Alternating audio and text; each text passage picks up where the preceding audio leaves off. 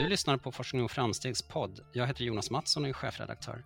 Med mig har jag Per Snaprud, medicinredaktör på Forskning och framsteg och Amina Mansour, medicinjournalist, tidigare på Dagens Nyheter och numera på Expressen. Välkomna! Tack så tack, mycket! Tack. Eh, Amina, du är aktuell med en bok, Pandemier från spanska sjukan till covid-19, som vi ska lyssna på ett utdrag ur om en liten stund. Hur kommer det sig att du skrev den här boken? Jo, men jag har alltid sagt att om jag ska skriva en bok så borde det vara om pandemier. Men jag, det har jag ju tänkt att ja, ja, men det finns ju inget nytt som händer där. Men sen så kom ju den här pandemin eh, och då kände jag väl att vi kanske behöver förstå lite vad som vi har lärt oss av tidigare pandemier, men också vad vi kan lära till nästa, men också vad bra vetenskap är och varför kanske den här pandemin har varit så otroligt förvirrande i många aspekter.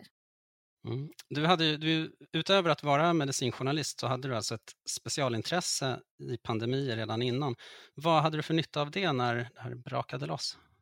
Alltså, det, det, positiva var ju att jag i dece hela december 2019 satt och eh, läste på om pandemin på lite olika sätt. Eh, dels för att jag höll en, eh, höll en eh, föreläsning, inte föreläsning utan jag höll ett eh, seminarium om pandemier. Men Sen så, jo men jag det var ju så att jag fångade upp den här rapporten i första veckan i januari och tyckte att den lät spännande, den från Wuhan, om att det fanns möjligtvis ett nytt virus.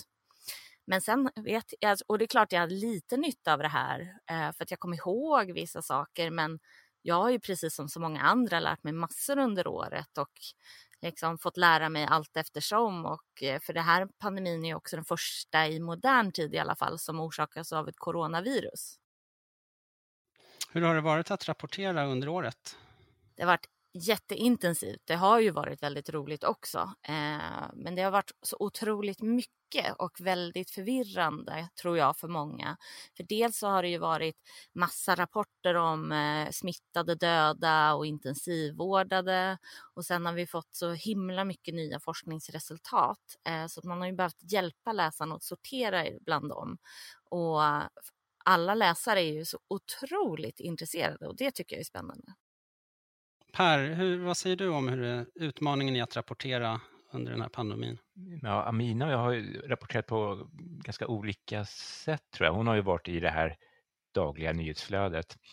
Och jag har väl, mm, jag har inte rapporterat jättemycket om det, men jag har väl hängt lite på laboratorier och där är det ju inte det den här politiska käbblet utan jag har blivit lite tagen av faktiskt, speciellt i början av pandemin, hur stora forskargrupper, jag var på KI till exempel, där de la undan allt som de höll på med för att utveckla en ny detektionsmetod.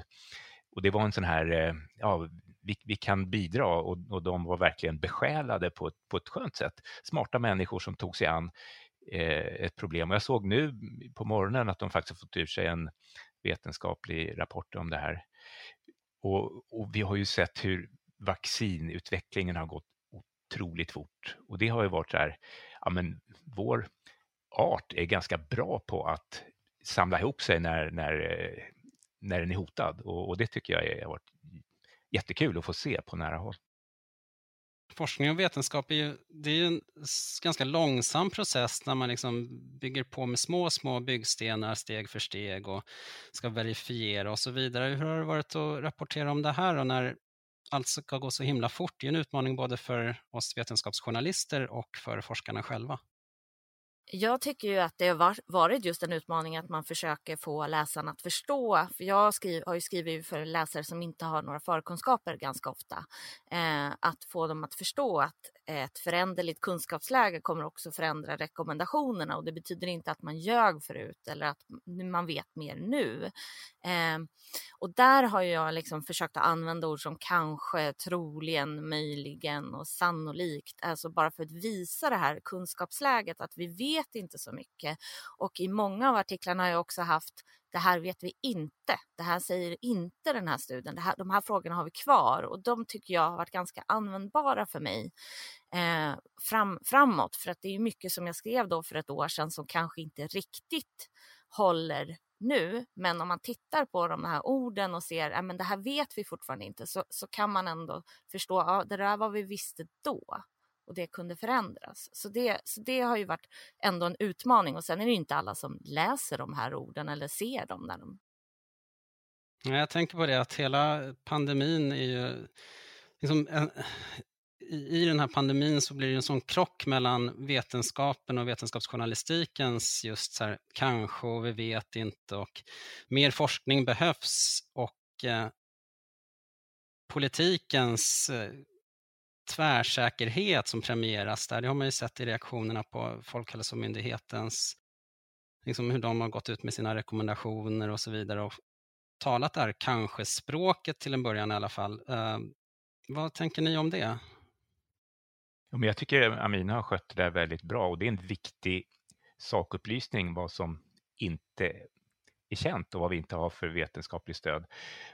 Och i det här Eh, fallet så har ju massor av preliminära forskarrapporter kommit ut på nätet utan att vara fackgranskade på det sätt som är, är vanligt. Och då är det ju en, en extra utmaning. Det är verkligen supersvårt att manövrera i den här terrängen.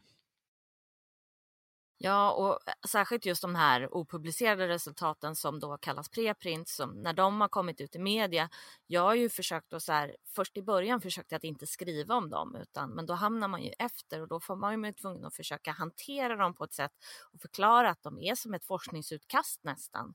Eh, men också att lära andra på redaktionen om eh, fallgroparna med just den här typen av resultat. Men det har ju varit väldigt svårt och jag tror ju kanske just för att det har varit så mycket fram och tillbaka ibland och den här de, alla de här preprinten som har slagit igenom på stor eh, skala i, under den här pandemin, då har det ju varit väldigt ja, men förvirrande tror jag för allmänheten. Eh, för det har ju varit många forskningsresultat som kanske har gått emot tidigare forskningsresultat och inte det här, de här byggstenarna som är vi vana vid. Så jag har ju också fått ändra mitt arbetssätt under pandemin. Mm. Eh, just att det är en sån politiserad eh, medicinsk fråga, hur hanterar ni det? Det finns, liksom, det finns en, oh, en debatt och sen så finns vetenskapsjournalistiken lite där vid sidan av och det just den här skärningsgränsen mellan opinionsjournalistik och vetenskapsjournalistik. Vad tänker ni kring det? De här eh, munskydden hamnade ju mitt i den där, eh, det där scenariot som du beskriver. jag vet, Amina, du har ju brottats med den frågan eh, ganska mycket. Vad, vad, vad tänker du om det? Jo, men, men där har jag ju liksom försökt att se så här, okej, okay, vad vad vet vi utifrån kunskapsläget eller och varför kan forskarna säga olika saker? Ja, men det är för att de värderar olika studier på olika sätt eller studierna på olika sätt. Och sen så försöker jag också hela tiden lägga in där att ja, men det är inte samma sak som vetenskapen kan ju, eh, alltså kunskapsläget kan ju komma till en slutsats. Eh, oavsett, och så kan den vara mer eller mindre säker. Och sen kan ju politikerna besluta om något annat. Och där har det varit ganska svårt tror jag för många att förstå vad skillnaden är där. Och det, det gör ju att man då jag har ju blivit anklagad för att ljuga eller för att vara köpt av Folkhälsomyndigheten och liknande just för att jag inte har stått där och sagt att, eller och till och med var delansvarig för att vi, människor har dött för att jag inte har stått och sagt eller skrivit någon i en artikel att alla måste använda munskydd hela tiden. Men, men, och vi har ändå inte en så politiserad debatt som, vi, som man har i USA när det gäller munskydd. Där har det ju varit ännu värre. Eh, och där skulle jag säga att hade vi gjort bättre studier då kanske det inte hade behövt vara så här politiserat för då hade vi haft ett säkrare svar. Hur har det varit som eh, journalist eh, på en dagstidning att eh, vara i den här, liksom, det här flödet av åsikter och synpunkter på det man gör och anklagelser till och med? Ja, alltså det har ju varit väldigt utmanande. Det är, dels är det ju kul för att man når ju så himla många. Eh, men den stora utmaningen tror jag är att man är bara ett fåtal personer som faktiskt kan det här ämnet och vet ungefär hur man ska rapportera. För det finns ganska många finesser när man rapporterar om vetenskap för allmänheten. Eh, och då, det, det, finns ju många journalister då som, som eh, kanske tror att bara för att någon är professor så har de alltid rätt. Eh, eller att alla studier är lika mycket värda. Eh, jag har haft kollegor som inte visste att en eh, djurstudie inte kunde säga någonting om så mycket om människor. Utan, så att man måste ju hela tiden förstå att och kanske inte förstår heller liksom just den här, det politiska eh, som finns eh, det här lagret mitt i allting. Så, att, så det har ju varit utmanande och det jag har ju försökt att liksom tänka att ja, men jag bidrar med min journalistik och jag står fast vid den. Eh, och den ska vara så pass eh, nyanserad hela tiden så att jag kan få med mig så många som möjligt så att de åtminstone förstår vad jag pratar om. Sen behöver de inte hålla med om slutsatserna. Men det är ju inte alltid jag har lyckats heller. Mm. Tänk på det här som Per tog upp nu och vi pratade om med munskydden. Hur, hur, det är ju en utmaning för forskningen såklart. Med hur, hur, mäter man något mitt i en pågående pandemi om man testar en insats? Har folk munskydd eller inte samtidigt som man ska hålla sig hemma och hålla avstånd när man är hemifrån? Eh, och så vidare och så vidare. Om huruvida skolor ska stängas eller inte och restauranger och köpcenter där teatrar och konsertlokaler ska stänga men inte köpcenter. Och hur mäter man det där egentligen? Vad finns det för utmaningar där, säger ni? Ja, alltså det, det, är ju en väldigt stor utmaning skulle jag säga. Och där jag pratar med en norsk forskare som, eh, eh som, som försöker göra sådana här studier. Men han har en stor utmaning för att de har etiklagen tillåter inte eh, eh, den typen av studier om inte alla människor har gett sitt medgivande. Men så att man skulle kunna slumpa kommuner till att ha öppna eller stängda skolor eller att man får öppna en vecka senare, två veckor senare så får man se hur det påverkar smittspridningen. Eller att man eh, eh, och inför en åtgärd och väntar några veckor till nästa åtgärd. För det är ju ofta så att många åtgärder införs samtidigt och därför blir kunskaps, därför blir resultaten ganska vad ska man säga, svårtolkade. Eh, och det är ju det är ju ett problem. Och sen så har man ju märkt att en del forskare vill ju att resultaten ska var, peka i en viss riktning så att tolkningarna kan ju vara eh, på det, eh, vara väldigt övertydliga eller vad man ska säga, onyanserade ibland. Men, men det är svårt, det är svårt för det är lättare att testa ett läkemedel än, eller ett vaccin än vad det är att testa munskydd eller skolstängningar. Men det går. Ja, även forskare är människor som har, önskar vissa resultat och så vidare. Sen ja. kan jag ha en personlig reflektion kring munskydden. Jag tror att i historieböckerna så kommer det där kanske kommer kännas som att det var väldigt mycket ståhej kring eh, en rätt liten fråga. Det är väl ingen som har menat att hela pandemin står och faller med munskydd eller inte. Eh, och jag är helt för att man ska försöka hitta empiriskt bra vetenskapliga svar. En randomiserad kontrollerad studie är det bästa. Men det, det är ju ett absolut krav om man ska vaccinera miljarder av människor med, med ett tidigare otestat vaccin, då måste vetenskapen vara extremt rigorös för att man ska fatta minsta beslut. När det gäller eh, munskydden så tänker jag att det står ganska lite på spel. Folk har en mask på ansiktet eller inte. Det, det är inte som att man behöver, det kostar inte hela BNP och det, det är en rätt så, så liten sak. Så där, där kan man ju kanske tänka att det, man kunde ha någon försiktighetsprincip eller säga att ja, vi vet inte, men ja, de, de som känner att det behövs, bara kör. Eller vad säger ja, du? Jag håller, ja, nej men jag, jag håller med att det, liksom, det behövs när åtgärden kanske inte har så stora negativa eh, effekter. Då kan man ju också kanske alltså, fatta beslut på lite osäkrare grund. Det behövs kanske inte lika starka bevis i under en pandemi för vissa åtgärder. Men skolstängningar som vi till exempel vet har väldigt stora negativa konsekvenser. Där kanske man inte kan använda sig av försiktighetsprincipen, men munskydd till exempel är en sån där man faktiskt kan det. Så att jag, jag håller med er att munskydd, det är mycket snack om kanske en åtgärd som men det kan väl läggas på som en extra grej, för det var ju inte det att det, liksom, det ska vara den enda åtgärden heller. Ja, apropå historieböckerna där, vad, vad kommer det stå i historieböckerna? Ja, men det blir ju... Det här är ju stort. Det, det blir ett före och ett efter. Och jag tror att många har kommit till insikten nu att, att eh, pandemier är, är liksom saker som dyker upp. Jag pratade med en forskare i, som jobbar med universella coronavacciner. Hon hade tidigare jobbat med HIV och, eh, och eh, influensa, men hoppade nu på coronaviruset och gjort, gjort jättefin forskning. Men hon läste in litteraturen och blev slagen av att de som tidigt följde coronautvecklingen med, med sars eh, från 2002 eller vad det var och mers som kom senare. De sa redan då att det här kommer tillbaks, men världen lyssnade inte. Och jag tror att världen lyssnar nu och i framtiden. Ja, och förra efter eh, sars, då upptäckte man ju fyra, eller åtminstone två andra coronavirus som cirkulerar i befolkningen. De två innan som bara orsakar förkylningar, de två innan var redan kända. Men så att det här kommer nu bli mer forskning på coronavirus, men kanske virus och pandemier generellt. Jag hoppas ju att man lär sig att man behöver ha beredskap eh, på liksom många nivåer. Vi behöver det i samhället. Vi kan inte ha en sjukvård som liksom bara ska klara av det, det, det, alltså ett visst mandat utan för händer det någonting, får vi en stor influensa, en, en väldigt svår influensa, då kanske vi behöver ha ännu lite mer marginaler i vården. Men också att man kan inte heller ha tomma beredskapslager som var för ett år sedan när det då blev en global brist på skyddsutrustning. Ehm, så att jag skulle säga att jag tror dock att en sak som kommer stå i historieböckerna är att det att man inte samarbetade så mycket internationellt som jag trodde och hade hoppats på. Vi har ju inte ens samarbetat särskilt mycket i Norden. Mm.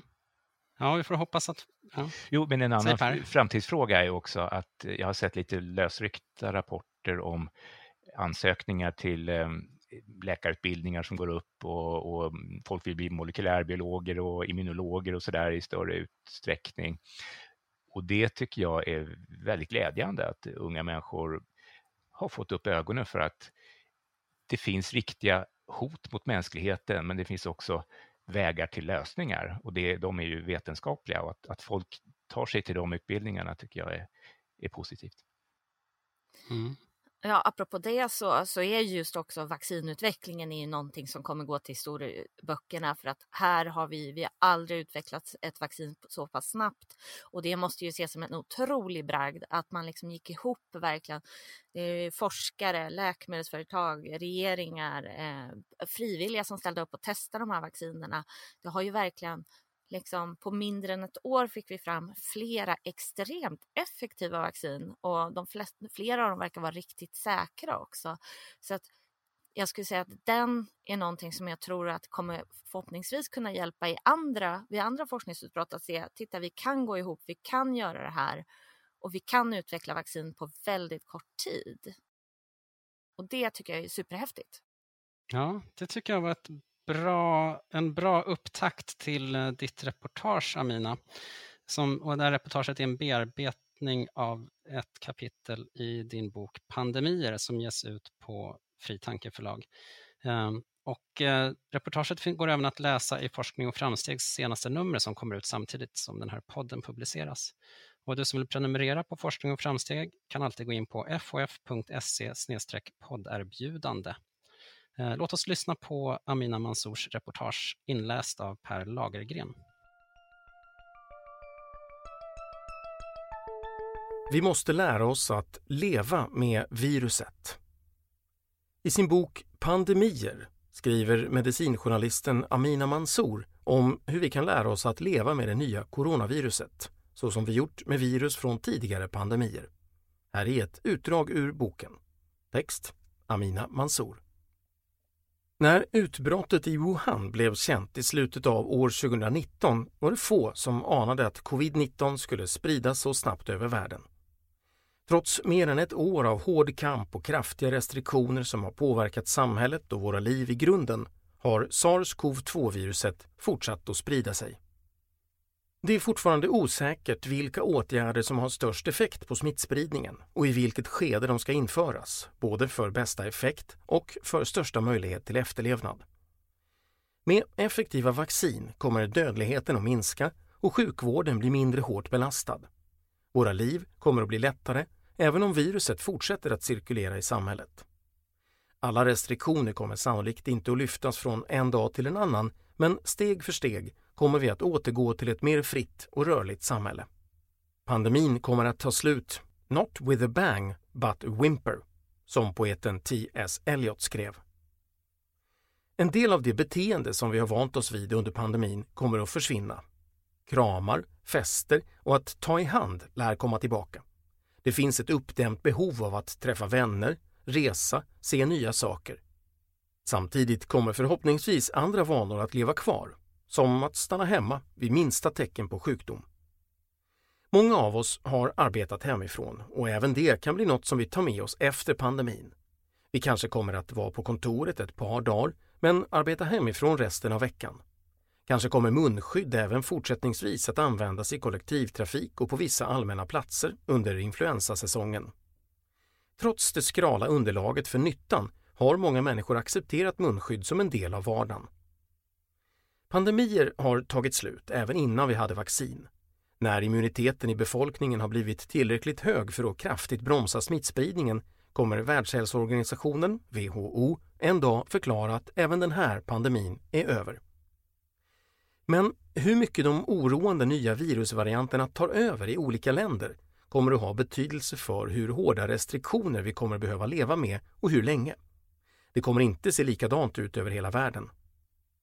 Att utrota en sjukdom från jordens yta är mycket svårt. Det krävs ett effektivt vaccin, ett test som hittar i stort sett alla fall av sjukdomen, ett övervakningssystem som snabbt kan signalera om det dyker upp något fall och att viruset inte kan infektera något djur. Vi har inte hittat källan till den första smittan mellan djur och människa, men vi vet att viruset kan spridas från djur till människa samt från människa till djur. Alla kommer inte heller att kunna eller vilja vaccinera sig. Viruset kommer alltså att fortsätta cirkulera bland oss framöver, men i lägre grad. De virus som först orsakade influensapandemier när de började spridas bland människor har senare blivit en del av säsongsinfluensan. Redan tidigt under utbrottet började forskare spekulera om det nya coronaviruset kommer att bli ett mildare virus som cirkulerar under vintersäsongen och mestadels orsakar förkylningar. Vi vet inte vad som hände när de fyra coronavirus som redan cirkulerar och orsakar förkylningar tog klivet över från djur till människa. Det finns en teori att pandemin 1889, som kallas den ryska snuvan, i själva verket orsakades av ett coronavirus.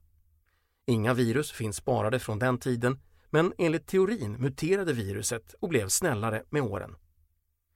Det är mycket möjligt att även sars-cov-2 går den vägen. Vi vet ännu inte hur lång den naturliga immuniteten efter en infektion är. Studier visar att de flesta utvecklar antikroppar efter att ha varit infekterade av sars-cov-2 och att de finns kvar hos de flesta i minst sex månader, troligen längre. De som har lindrigare symptom får lägre nivåer av antikroppar än de som har haft en svårare sjukdom. Antikroppar försvinner ofta med tiden om du inte exponeras igen, men skyddet finns fortfarande kvar i form av B-minnesceller som kommer ihåg den tidigare infektionen och kan bilda nya antikroppar om samma virus återkommer.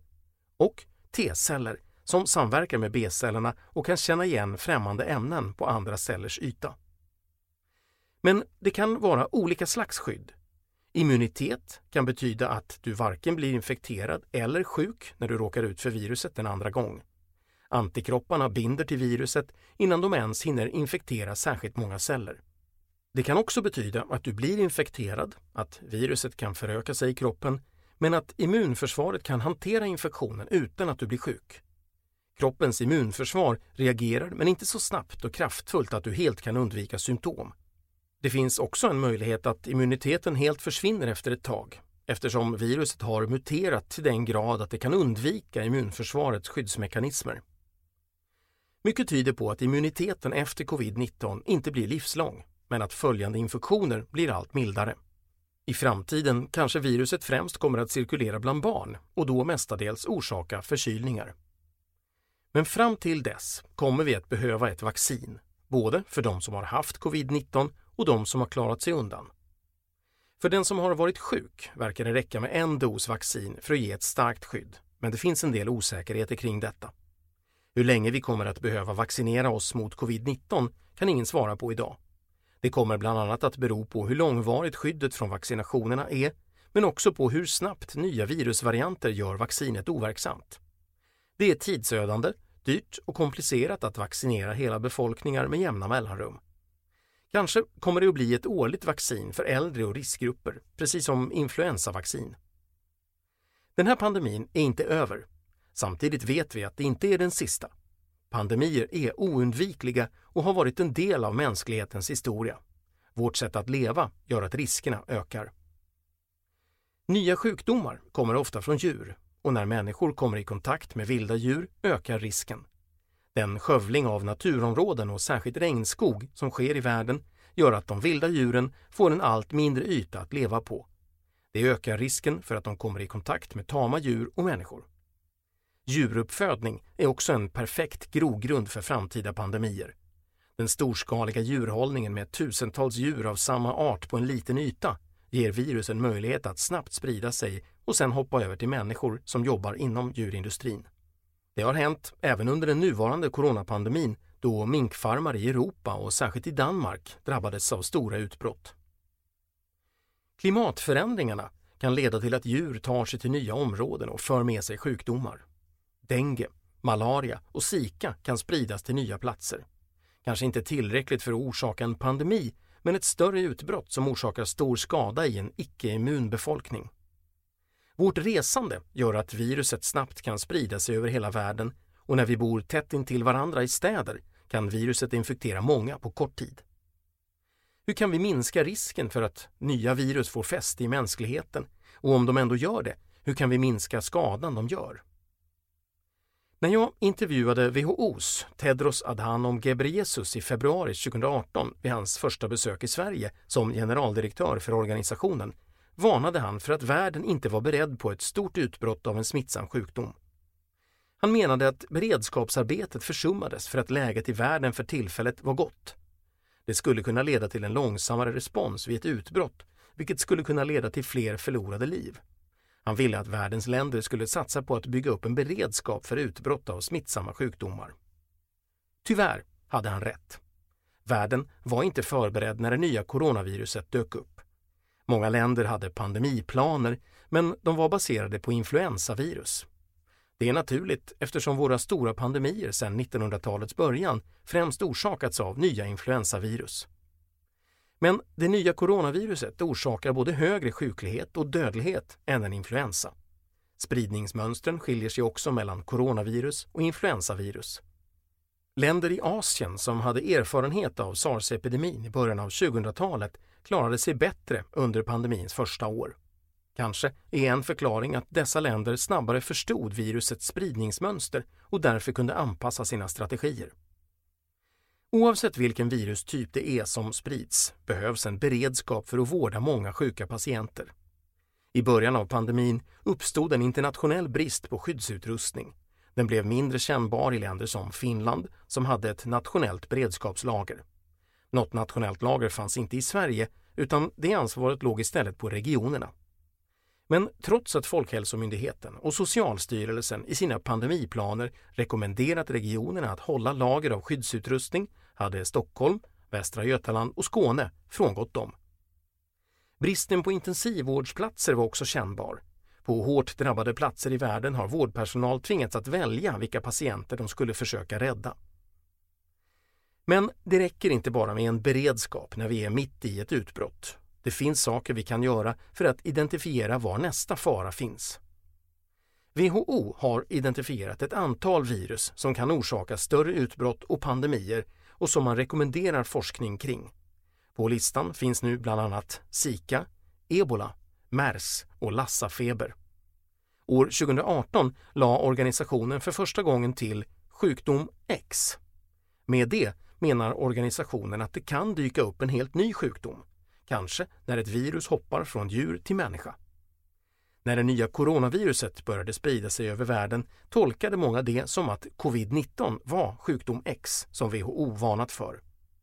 Den här pandemin kom från djurvärlden och det är mycket möjligt att även nästa gör det. Virus har funnits på denna jord längre än vi människor, men vi känner bara till en bråkdel av dem. Enligt en rapport från Organisationen för biologisk mångfald och ekosystemtjänster, IPBES, kan det finnas så många som 1,7 miljoner oupptäckta virus i däggdjur och fåglar, varav hälften skulle kunna smitta människor. Ledande experter har sedan länge vetat att det behövs en övervakning av virus som cirkulerar hos djur, som riskerar att orsaka utbrott eller pandemier. Viruset SARS-CoV-2 upptäcktes inte förrän det hade börjat smitta människor. Långt ifrån alla nya virus som tar steget över från djurvärlden till att smitta människor orsakar pandemier. Men det gäller att identifiera de virus som har en pandemisk potential. Det behövs också ett internationellt samarbete så att länder snabbt uppmärksammar världen vid ett utbrott. Människor började insjukna i det som nu kallas covid-19 någon gång under senhösten 2019. Under december var läkare i Wuhan medvetna om utbrottet, men det dröjde till årets sista dag innan WHO fick information. Under tiden spred sig viruset både inom och utanför staden. Öppenhet hade gett andra länder bättre möjligheter att förbereda sig och världen en chans att begränsa utbrottet. Vid utbrott avråder WHO generellt från stängda gränser, handelsförbud och visumavslag. Under pandemin 2020 användes de i hög utsträckning. Om länder straffas för att de uppmärksammar resten av världen på ett potentiellt hot i form av ett utbrott finns det en risk att de håller tyst nästa gång, vilket kan leda till att utbrottet växer och drabbar fler än nödvändigt. Eftersom de stora pandemierna de senaste hundra åren främst orsakats av influensavirus har vår beredskap främst riktats mot dessa. Men det här utbrottet har gjort det tydligt att det även behövs en planering för att hantera andra virusinfektioner. Ebolan i Västafrika 2014 ledde till att det utvecklades extremt effektiva vaccin. Men det krävdes ett stort utbrott för att vaccinforskningen skulle ta fart. Under tiden hann tiotusentals människor dö. Att utveckla vaccin mot smittsamma sjukdomar för att det är en bra försäkring om ett större utbrott skulle ske är knappast något som de stora läkemedelsbolagen skulle vilja satsa på. Det är svårt att gissa vilka virus som kommer att dyka upp och sprida sig bland människor. Det nya coronaviruset var ett sånt. Trots att det inte fanns något vaccin mot coronavirus har forskningen tagit enorma kliv under året och det finns nu flera mycket effektiva vaccin mot covid-19. Vaccin tar vanligtvis kanske tio år att utveckla. Nu gjorde världen det på mindre än ett år. Det visar hur mycket som kan åstadkommas om det finns pengar, resurser och politisk vilja. Den här erfarenheten kommer att hjälpa oss vid en ny pandemi. Men det behövs också effektiva läkemedel mot fler virus. Hade den här pandemin orsakats av ett influensavirus hade det funnits antivirala läkemedel. De kan för det mesta inte hindra någon från att bli sjuk men de kan minska risken för svår sjukdom. Effektiva antivirala läkemedel mot covid-19 är minst lika viktigt som bra vaccin. Vi behöver också förbättra beredskapen för nya influensavirus. Ett universellt influensavaccin skulle kunna förproduceras och om det används effektivt kanske det till och med kan förhindra en framtida pandemi. Kanske kan den här pandemin få fler att inse behovet och resultera i en större forskningssatsning. Det vore en enorm vinst att kunna förhindra nästa pandemi. Inte bara för att minska det personliga lidandet utan för att det också innebär en enorm kostnad. Det är en stor och ständig utmaning att få världens länder att inse att det är billigare att förebygga sjukdomar än vad det är att behandla dem. Det här är ett bearbetat utdrag ur medicinjournalisten Amina Mansours bok Pandemier, från spanska sjukan till covid-19 utgiven av Fritanke i maj 2021. Du har lyssnat på ett samtal och ett reportage från Forskning och framsteg. För att prenumerera på Forskning och framsteg, gå in på fof.se podderbjudande. Rösten i reportaget är Per Lagergrens. Medverkade i samtalet gjorde medicinjournalisten Amina Mansour och Forskning och framstegs Per Snaprud. För ljudteknik, klippning och vignett står Per Dahlhjelm. Jag heter Jonas Mattsson och är chefredaktör för Forskning och framsteg. Tack för att du lyssnade.